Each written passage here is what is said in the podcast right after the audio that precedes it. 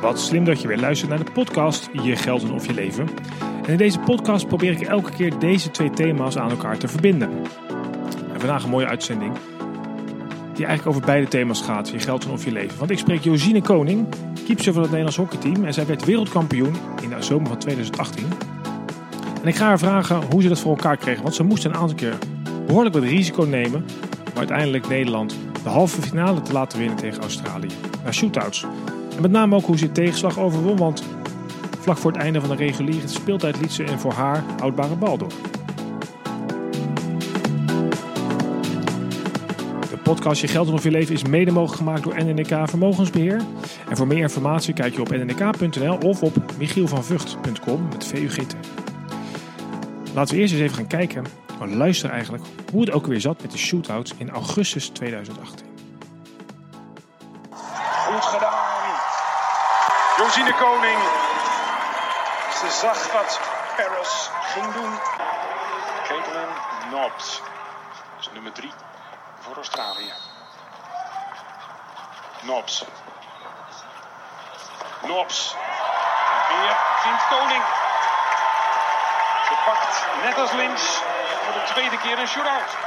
McMahon nog een keer een kans voor Koning. En McMahon, die gaat naast. Uitstekend getypt voor Josine Koning. Nederland kan op dit veld ook een shootout-serie winnen.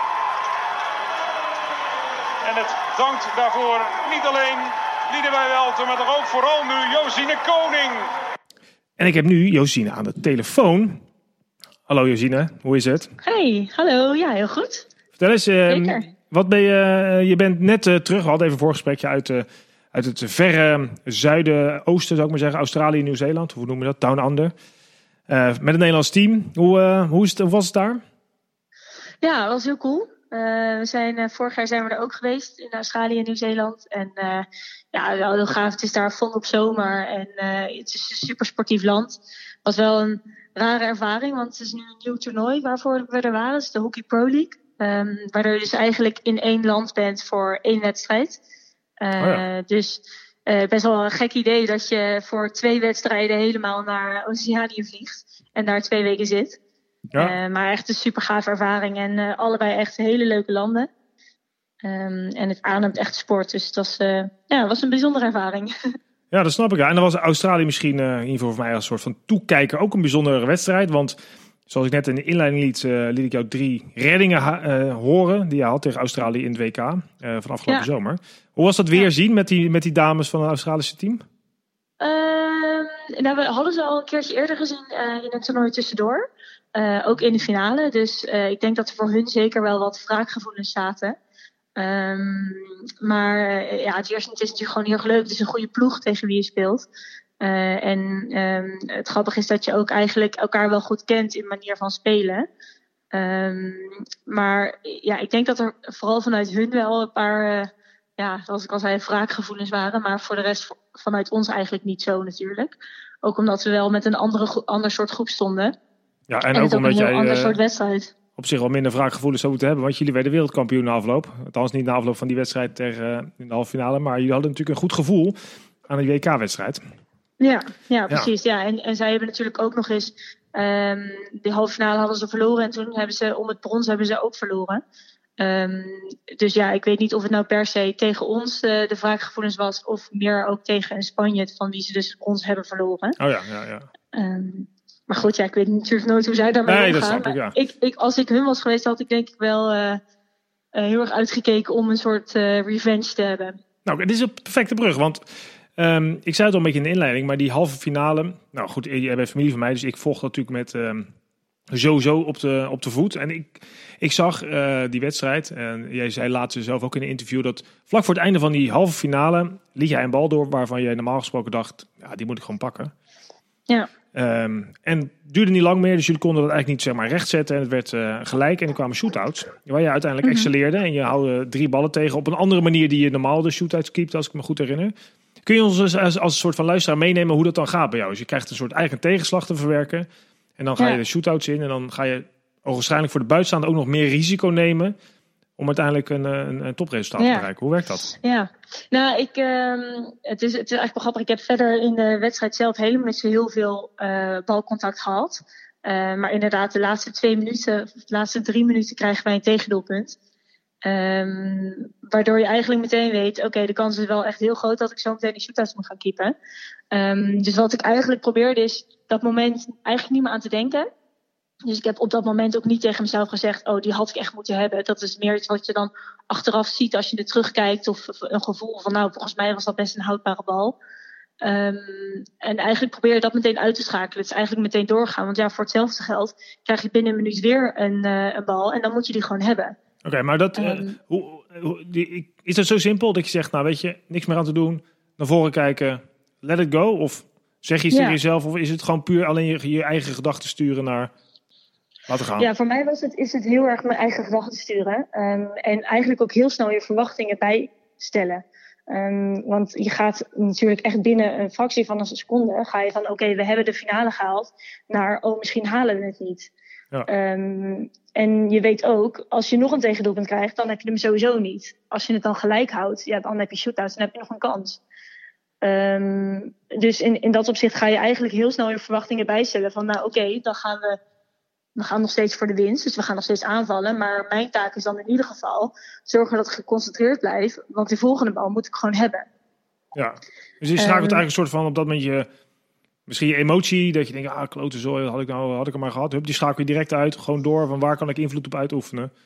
Ja, Ehm, ja, en dat, ja, dus dat probeer je eigenlijk zo snel mogelijk los te laten en, en weer verder te gaan. En ja, ik denk dat, dat sporters daar ook wel veel op trainen. Van ja, je krijgt één kleine tegenslag, maar je moet door. Je kan niet, je kan niet drie minuten daarvan balen, want de wedstrijd gaat gewoon door. Eh, en in mijn opzicht natuurlijk helemaal. Ik moet zo meteen die shootouts keepen. Dus als ik dan nog in een soort negatieve gedachtegang zit, dan, eh, ja, dan werk je jezelf tegen en dan ga je tegen jezelf spelen. En je zegt, ik hoor je zeggen, we trainen erop, maar hoe, kun je daarop trainen? Of is dat voor iedereen verschillend? Of is dat, eh, ge- hoe werkt dat dan? Ehm, nou, ik denk dat je als sporter best wel een soort natuurlijke drang hebt om gewoon jezelf te bewijzen. Ehm, en om, zeker als keeper zijn, dat je wil elke bal hebben. Ehm, dus elke keer als er een, een goal ingaat bij een, een partijtje of bij een oefening, of je merkt dat er veel ingaat, dan baal je van jezelf. Maar je weet dat je door moet, want je kan niet zomaar de training uitstappen omdat je de tegendoelpunt krijgt. Ja. Ehm, en nou is het natuurlijk in de wedstrijd heel erg uitvergroot. Ehm, maar goed, ja, dat, dat zijn gewoon ja, zijn kleine dingetjes die je, die je eigenlijk altijd probeert te oefenen. En dat komt ook met de jaren in de ervaring natuurlijk. Ja, ja. Dus jij, eh, nou, jij stond ja. op punt, 2, 3 minuten voor tijd, 2-2. Voor mij was het 2-2 toch? Of 1-1, wat was het? Eh, 1-1 was het, 1-1. ja. Dacht, nou goed, niks meer aan te doen. Door, hup, concentreren op de ballen die nog komen. En dan naar die shootouts. ja. Neem ons mee naar de shootouts. Hoe was dat? Want je weet, ja, dat is, ja, dat is voor, de, voor de toekijker. Ik heb zelf ook nog eens meegemaakt met, eh met. Het is, het is zenuwslopend, want eh, ja, je hebt natuurlijk als je niet meedoet, zeg maar als speler en als toeschouwer helemaal niet, geen invloed. Razendspannend. Ehm, ja. hoe gaat dat? Jij staat er klaar, fluitje gaat. Ja, ehm, en ik denk dat punt 1 al is dat het voor iemand die kijkt veel spannender is dan degene die er staat. Ehm, en het is eigenlijk ook weer een gedeelte van uitschakelen. Ik ben er niet mee bezig met, met het gevolg eigenlijk. De, het is niet dat ik, als ik een shootout ga nemen, dat ik denk: oké, het is nu een kwestie van winnen of verliezen. Ja. Ehm, het is voor mij gewoon eigenlijk echt een drang. Ik wil elke bal hebben en ik wil het zo goed mogelijk doen. Eh, en dan natuurlijk weet je daarna wel dat het resultaat winnen of verliezen is. Ehm, maar ik eh, had best wel, toen we overgingen naar de shootouts, eh, gaan we eigenlijk altijd met een klein groepje bij elkaar staan. Dus de shootoutnemers en ik. Ehm, we nemen eigenlijk ons eigen momentje van, nou oké, we gaan dit gewoon doen. Ehm, en nog een keer vertrouwen naar elkaar uitspreken van, ja, we zijn hier gewoon zo goed in. Dan doen we het maar zo. Ja. En ik weet wel nog dat ik echt in mijn hoofd had van, het, het gaat me gewoon echt niet gebeuren dat zij nu op shootouts gaan winnen. Eh, dat, het, gaat gewoon niet gebeuren. En het was zo onterecht, want wij waren echt veel beter. Eh, en dan krijgen ze in de laatste minuut krijgen ze nog dat doelpunt ook. En ik dacht echt over mijn lijk dat zij nu gaan winnen. En veranderde Ehm, dat, dus- dat iets in jouw tactiek? Want voor mij las ik dat je je heel goed voor had bereid uiteraard. Dus je wist ook een beetje hoe Ja. zij normaal gesproken de shootouts zouden nemen. Ja, Ehm, maar dacht, ja, weet je, nu- weet letterlijk over mijn lijk, weet je, wat er ook gebeurt. Was het anders dan bij wijze van spreken met een clubwedstrijd of met een wedstrijd die misschien wat minder belangrijk was of zo? Had je een andere gevoel? Of? Ehm, ik, weet niet of ja, het is niet per se een heel anders dan bij een clubwedstrijd. Alleen het is meer dat de, de shootouts, dat is iets waar ik directe invloed op heb. Um, en ik kan wel een wedstrijd ingaan met over mijn lijk dat zij gaan winnen. Maar ja, voor hetzelfde geld krijg ik geen bal in een wedstrijd. Dus Ja, ja, dat precies. is iets heel anders. En ik weet dat het Ja. is voor mij gewoon echt eh, eigenlijk nou ja, vijf keer een sprintje trekken naar de kopcirkel. En acht seconden mijn hartslag eh, naar, naar het plafond werken. En vijf keer acht seconden keihard werken om ervoor te zorgen dat zij niet winnen. En dat wij wel winnen. En de- Ehm, deed je nu dus- iets anders dan dat je normaal deed? Nou, ik, de, eerste keer, de eerste shootout die zij namen, dus die ik moest keepen, die was, eh, daar ging ik eigenlijk veel te hard uit. Ik was heel enthousiast en heel eager om een bal te pakken. Dus dat ging veel te hard. Ehm, en ik heb inderdaad, eh, ik heb, eh, volgens mij was het de tweede shootout, die flatste zij. En toen ging ik ineens naar de grond, dus ik dook. Ja. Ehm, en ik heb dat een jaar lang, heb ik shootouts getraind en ik heb dat geen één keer gedaan. Was ik had hem dus wel. Instinct? Of wat was dat? Een, Ja, eh, ja. dat was instinct. Ja, was echt heel gek. Ehm, en ik wist ook eigenlijk niet dat zij een flats had. Althans, ik wist dat zij dreigde op een flats en dan door zou lopen. Ehm, maar vanuit een instinct ben ik naar de grond gegaan. En eh, ik had er ook wel wat schijnruimte gegeven. Eh, dus ik, ik, ik lag daar en hij kwam vol op mijn been, of dus op mijn leggard. Eh, en ik dacht, oké, nou, dat is een goede timing. Ja, ja, precies. Goed gedaan. Ja, maar nee, ik was eigenlijk zo geconcentreerd met, met mezelf bezig dat ik. ehm, ik, lachte, ik lachte er toen ook niet om, ik lachte er alleen achteraf om. Maar ik dacht, oké, ik heb hem volgende. Oké, volgende. Wanneer kan ik weer? Ehm, Dus op dat soort momenten ben je, als ik het zo een beetje hoor, als je van joh, je, je, je eerste tegenslag laat je gaan, je kijkt naar voren, je maakt een plan. Dus van ja, waar- hoe ga ik ze? Dus je wist zeg maar, eh, dus wat je zei, ze, heeft een, ze doet een schijnflats, maar meestal loopt ze door. Dus je bereidt je voor op, nou ja, wat gaat er gebeuren? Dus heel goed voorbereid. Mhm. Ja. En dan is het gewoon volle bak op je eigen, op jezelf vertrouwen. Ja. Wat je doet. Ja, ja, en weet je, je hebt alles gedaan wat je, wat je kan doen. Eh, ik, heb, ik heb het zo vaak getraind. Eh, ik heb me zo goed voorbereid. Eh, je kan eigenlijk niks anders dan gewoon vertrouwen hebben in jezelf. En vertrouwen in het team ook. Ehm, en dat, dat is ook heel fijn. Ik wist gewoon, wij hebben de beste shootoutnemers. Dus zij gaan er sowieso drie in leggen. Oh, nou, ja, dan, ja. dan is het makkelijk. Je, je luistert nog Dan, steeds, ja. eh, ondertussen luister je nog steeds naar de podcast Je Geld en Of Je Leven. En deze podcast is mede mogelijk gemaakt door NNEK. En voor meer informatie kijk je op Michiel van Vught met vugt.com. Ik ben in gesprek met Josine Koning, die vertelt over hoe zij de shootouts in de halve finale tegen Australië hield. Ehm Josine, jij zei, ja, eh, ik wist ook wel zeker dat drie mensen uit mijn team gaan er sowieso wel eentje maken. Dus eh, daar kan ik bijna al van uitgaan. Het is natuurlijk een team effort. ehm, maar doordat je zo met elkaar, hè, je, voor, de, voor de je even met elkaar te overleggen. Joh, we kunnen dit. Had elkaar wat moed in. Ehm, speel je daar tijdens die shootouts ook nog mee? Dat je zegt, ja, ik heb er één gehouden en dat, dat, dat weet je dat dat een, een wat meer rust geeft of andersom of zo? Of heb je nog contact met elkaar tijdens zo'n shootout serie? Ehm, tijdens niet meer, want ik moet, eh, ik moet eigenlijk aan de andere kant van het veld staan. Want ze willen dat het wat sneller achter elkaar doorgaat. Nou ja. Ehm, maar nee, ik ben eigenlijk tijdens de shootout-serie heel erg met mezelf bezig geweest. Ehm, en eh, ik, had, ik had bijvoorbeeld ook niet de stand door of zo.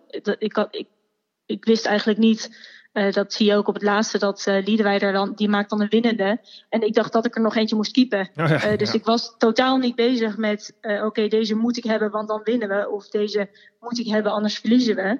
Ehm, ik was gewoon bezig met ballen stoppen. En eigenlijk Nou ja. was, ja, dat, dat, dat gaf ook wel een stuk vertrouwen eigenlijk. Dat je ook niet vanuit je angst gaat keepen, maar gewoon vanuit jezelf en je vertrouwen. ja, dit kan ik. En ja, Ja. dat is mooi. Ja. En dat, is- dit zijn, gebruik je dit soort dingen nou ook in je dagelijkse... ja, dat weet je misschien niet. Misschien is het allemaal onbewust. Maar ik had laatst Mark Lammers aan de, in de podcast. Die oud, eh, Mhm. die ken je vast ook wel. Je, de voorganger van jou. eh, Ja, die Coaching. liep zelfs nog net langs. Dus dat is toevallig. Oh, nou, kijk eens toevallig. Doe hem de groeten. Ehm, Maar die zei ook van, ja, weet je, we hebben het veel meer over feed forward in plaats van feedback. Dus veel meer, de- waar heb je weer invloed op en hoe kun je dingen veranderen in plaats van te blijven hangen in tegenslagen. Ik hoor jou Ja. dat ook zeggen. En maar, dat is een fantastisch mooie eigenschap als je dat ook in je, gewoon, en, en in sport is het mooi, maar kun je dat ook in je dagelijks leven gebruiken? Of merk je dat je dat, dat je tegen mensen zegt, joh, doe het nou zo, omdat je dat vanuit je sporthart ehm Ehm, inkomt? Ja, dat vind ik moeilijk. Want ik denk dat zeker in een spelsituatie, dan heb je ook niet echt tijd om in zak en as te blijven zitten.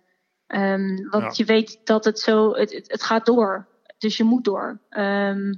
Nou denk ik wel dat, uh, ik studeer bijvoorbeeld nog en ik denk dat als ik dan een onvoldoende heb, ja, dan kan ik daar misschien even van balen. Maar ik weet wel, het heeft geen zin om hier uh, drie dagen over in bed te gaan liggen. Ja, Want ja. het is nou helemaal gebeurd en ja, je kan er niks meer aan doen. Dat is het nou eenmaal. Ja, dat klopt. Um, en uh, ik, ja, ik denk dat ik dat wel heb. Van ja, in hoeverre kan ik hier nou echt nog iets aan doen? Kan ik hier dan de hele tijd op mezelf gaan schelden dat het gebeurd is? Ja, heb ik niet zoveel aan. Dus nou, dan kan ik maar beter doorgaan. Ja. Hm, het is een mooie, ik hoor je mooie dingen zeggen. Die ga ik zo mooi vertalen. Maar uh, voor de mensen die nog uh, luisteren, ook uh, als jij klaar bent en het wordt wat saaier, want het gaat over wat beleggen, dan heb ik toch een paar mooie tips, denk ik, die ik kan gebruiken. Um, ja, ik heb eigenlijk al best wel veel gevraagd, vind ik zelf. Heb jij nog tegen dingen, nou, dit is toch wel leuk om nog even mee te geven? Ik nog een tip of um, een, weet je, vanuit de mental coaching of begeleiding die je misschien krijgt. Ik zeg, nou, dit zijn dingen die wij ook nog wel inzetten om onszelf goed te kunnen focussen. Heb je iets nog? Ik denk, nou, leuk om te delen. Ja, nou, dat, wat misschien leuk is, is dat, uh, wat ik net al zei, dat wij zijn dus echt op alles voorbereid in zo'n wedstrijd, in een halve finale of een finale. Um, dat wij trainen eigenlijk echt met alles. Dus um, uh, we trainen wat gebeurt er als we 1-0 achter staan en we hebben nog vijf minuten te, te gaan. We staan 1-0 voor, hoe reageer je dan? Uh, wat doe je als je met een man minder speelt? Wat doe je als je met drie mannen minder speelt? Uh, oh, wat ja. doe je dus als je shootouts moet nemen? Um, wat doe je als je shootouts moet nemen en iemand raakt geblesseerd? Um, en uh, het is heel grappig dat je. We bereiden eigenlijk alles voor. Uh, wat je dus veel meer rust kan geven op zo'n moment zelf. Um, dus als er dan iets gebeurt, nou ja, daar, de, zelfs al gebeurt er niks. Je hebt het idee van, nou, we hebben dit wel onder controle. Um, weet je, er kan bij wijze van spreken, zou er nu uh, een streak op het veld kunnen lopen en ik zou niet afgeraakt lijken. Niet ja. afgeleid raken. Uh, omdat, ja, ik, ik weet wat ik moet doen. Um, en dat geeft altijd wel heel veel rust. En ik denk dat dat ook wel een mooie vertaling kan zijn van ja, hoe goed voorbereid ben je? Um, en kan je dat op een gegeven moment dan ook loslaten en gewoon teruggaan naar je vertrouwen en de rust die je in jezelf vindt eigenlijk. Lijkt, me, lijkt me een fantastische afsluiter uh, voor jouw nou, uh, bijdrage. Hartelijk dank uh, Josien. Leuk Josien, leuk dat je meedeed. Ja, geen probleem. Ging, ging het goed? Ging het goed? Ja, ik vond het leuk. Ik vond het ook leuk en ja, ik moet toch nog een vertaling maken, want dit is een geld- en leven podcast. Dus ik heb Josien, die inmiddels even opgehangen overigens, een, um, een aantal hele interessante dingen horen zeggen die wij allemaal kunnen toepassen in ons eigen financiële leven. En als we even teruggaan waarmee ze begon, zei ze, ja weet je, ik kreeg die goal tegen, ik kan er niks meer aan doen, ik keek vooruit. Dus hier, dat denk ik dat we ook moeten doen als we kijken naar onze eigen financiële situatie en er komen tegenslagen. En met name als je het hebt over beleggen, we moeten allemaal beleggen. Het is niet anders uh, voor bedoelen. Dus als je aan het beleggen bent, dan gaan er ook tegenslagen komen. Uh, denk maar eens aan een beursdaling. Uh, zo ging december 2018 de beurs wat omlaag. Toch best wel wat mensen die daar dan paniek van ondervinden. En het is een beetje vergelijkbaar met wat Josien zegt. Ja, je krijgt even een tikje, het zit even niet mee. Maar wat kun je eraan doen en hoe ga je de toekomst ermee in? En als je dan rationeel naar zo'n beursdaling kijkt, dan zou je op zo'n moment eigenlijk moeten realiseren: het is gebeurd. Is dit het moment om te gaan uitstappen of om het op te geven? Nou, natuurlijk niet. Hè. Dat is een, altijd een slecht moment om op een, zeker op een, na een beursdaling uit te stappen, want dan verkoop je op een lager punt. In dit geval moet je vooruit kijken van, heb ik nog steeds de kans om mijn doelstelling te halen? Wat ik verder Josien een aantal keer hoorde zeggen, en ik denk dat dat heel belangrijk is, ook voor mensen die iets met hun financiën doen, en zeker die uh, het wat veel omvattender doen, dus niet alleen maar naar hun spaargeld, belegging of hypotheek kijken, maar alles bij elkaar, is dat het belangrijk is dat je een plan hebt. Dus dat je weet uh, hoe je het gaat doen, hoe je bepaalde dingen wilt bereiken. Josine vertelde heel duidelijk van, nou ja, ik wist van elke speler van Australië hoe zij die shootout over het algemeen nemen. Kan natuurlijk allemaal anders gaan, maar door het feit dat je in ieder geval je voorbereidt en een plan hebt hoe je die, in dit geval de shootouts tegen gaat houden, maar hoe je als persoon ook je eigen financiële doelen gaat bereiken en eventuele tegenslagen gaat, tegen, uh, gaat voorkomen, dat helpt ook. Dus maak een plan. Dus als eerste niet te lang stilstaan bij tegenvallers, maar vooruitkijken en als tweede maak goed een plan. En ik denk dat het helemaal niet gek is, en dat was de laatste tip die Josien uh, gaf, om te zorgen dat je uh, scenario's maakt. Dus wat nou als? Kennelijk bij het Nederlands damesteam trainen ze uh, soms zelfs situaties die heel erg onrealistisch zijn, denk ik. En namelijk drie mensen een kaart krijgen en daardoor het niet mee mogen spelen tijdelijk. Komt bijna nooit voor met het hockey. Maar ze trainen er wel op. Want hoe gaan we er dan mee om? En ik kan me voorstellen dat het ook heel zinvol is om dat te doen met je eigen persoonlijke financiën. Hoe ga je reageren als je ontslagen wordt? Wat ga je dan doen? Wie bel je? Um, hoe zou je je misschien gaan voelen? heb je dan genoeg spaargeld om de eerste paar maanden op te vangen? Een ander voorbeeld zou kunnen zijn, hoe ga je ermee om als een beursdaling voorkomt? Of juist een extreme beursstijging? Wat zijn afspraken die je kunt maken, nu al, om te voorkomen dat je dadelijk stomme dingen gaat doen met je geld? Dus ik denk dat we veel kunnen leren van topsporters die ik al eerder in mijn uitzendingen, uitzendingen heb gehad, zoals Jeroen Hetsberger, recent Mark Lammerts en ook nu Josine Koning. Die leren ons toch een andere manier van kijken naar uh, ja, moeilijkheden, problemen en tegelijkertijd ook naar oplossingen. Dus kijk waar je invloed op hebt. Zorg dat je daar ook de aandacht aan besteedt. Maak een plan. Um, nou ja, scenario's gebruiken, absoluut handig. En uiteraard, al die teamsporters hebben het met elkaar gemeen. Ze kunnen het niet alleen. Ik ben ervan overtuigd dat je, als het gaat om je persoonlijke financiën, dat je een heel eind kunt komen. Dat je heel veel dingen zelf kunt tegenwoordig. Door de online mogelijkheden van fintech en de vergelijkingssites die er zijn. Maar per se alles goed bij elkaar brengen, dat is nog wel eens lastig. En zeker in emotionele omstandigheden waar het even tegen zit, ontslag of een uh, nalatenschap ontvangen of een beursdaling. Of dingen die juist emotioneel de andere kant op gaan. Dus dat je ontzettend blij bent en dat je misschien erg overmoedig wordt.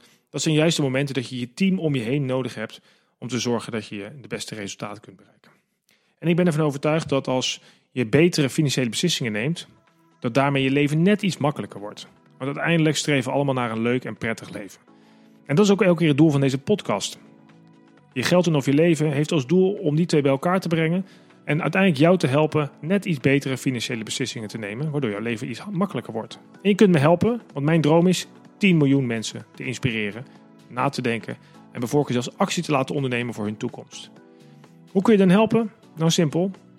Ga naar iTunes, geef sterren aan deze podcast, bij voorkeur 5, maar 4 mag ook. Misschien kun je een commentaar plaatsen en een recensie, dat helpt. Vind je het leuk? Deel eens een uitzending. Want zo denk ik dat we samen nog meer mensen kunnen helpen tot betere financiële beslissingen. Wil je nou meer weten over dit onderwerp? Kijk eens op mijn site Michiel van Vught met vugt.com. Ben je financieel adviseur en wil je geïnspireerd worden en geholpen worden? Dan ga je naar nnk-kennis.nl. Ik kijk, naar, kijk uit naar een volgende aflevering en ik wil je ontzettend hartelijk danken voor het luisteren. En tot snel. Veel goede keuzes gewenst.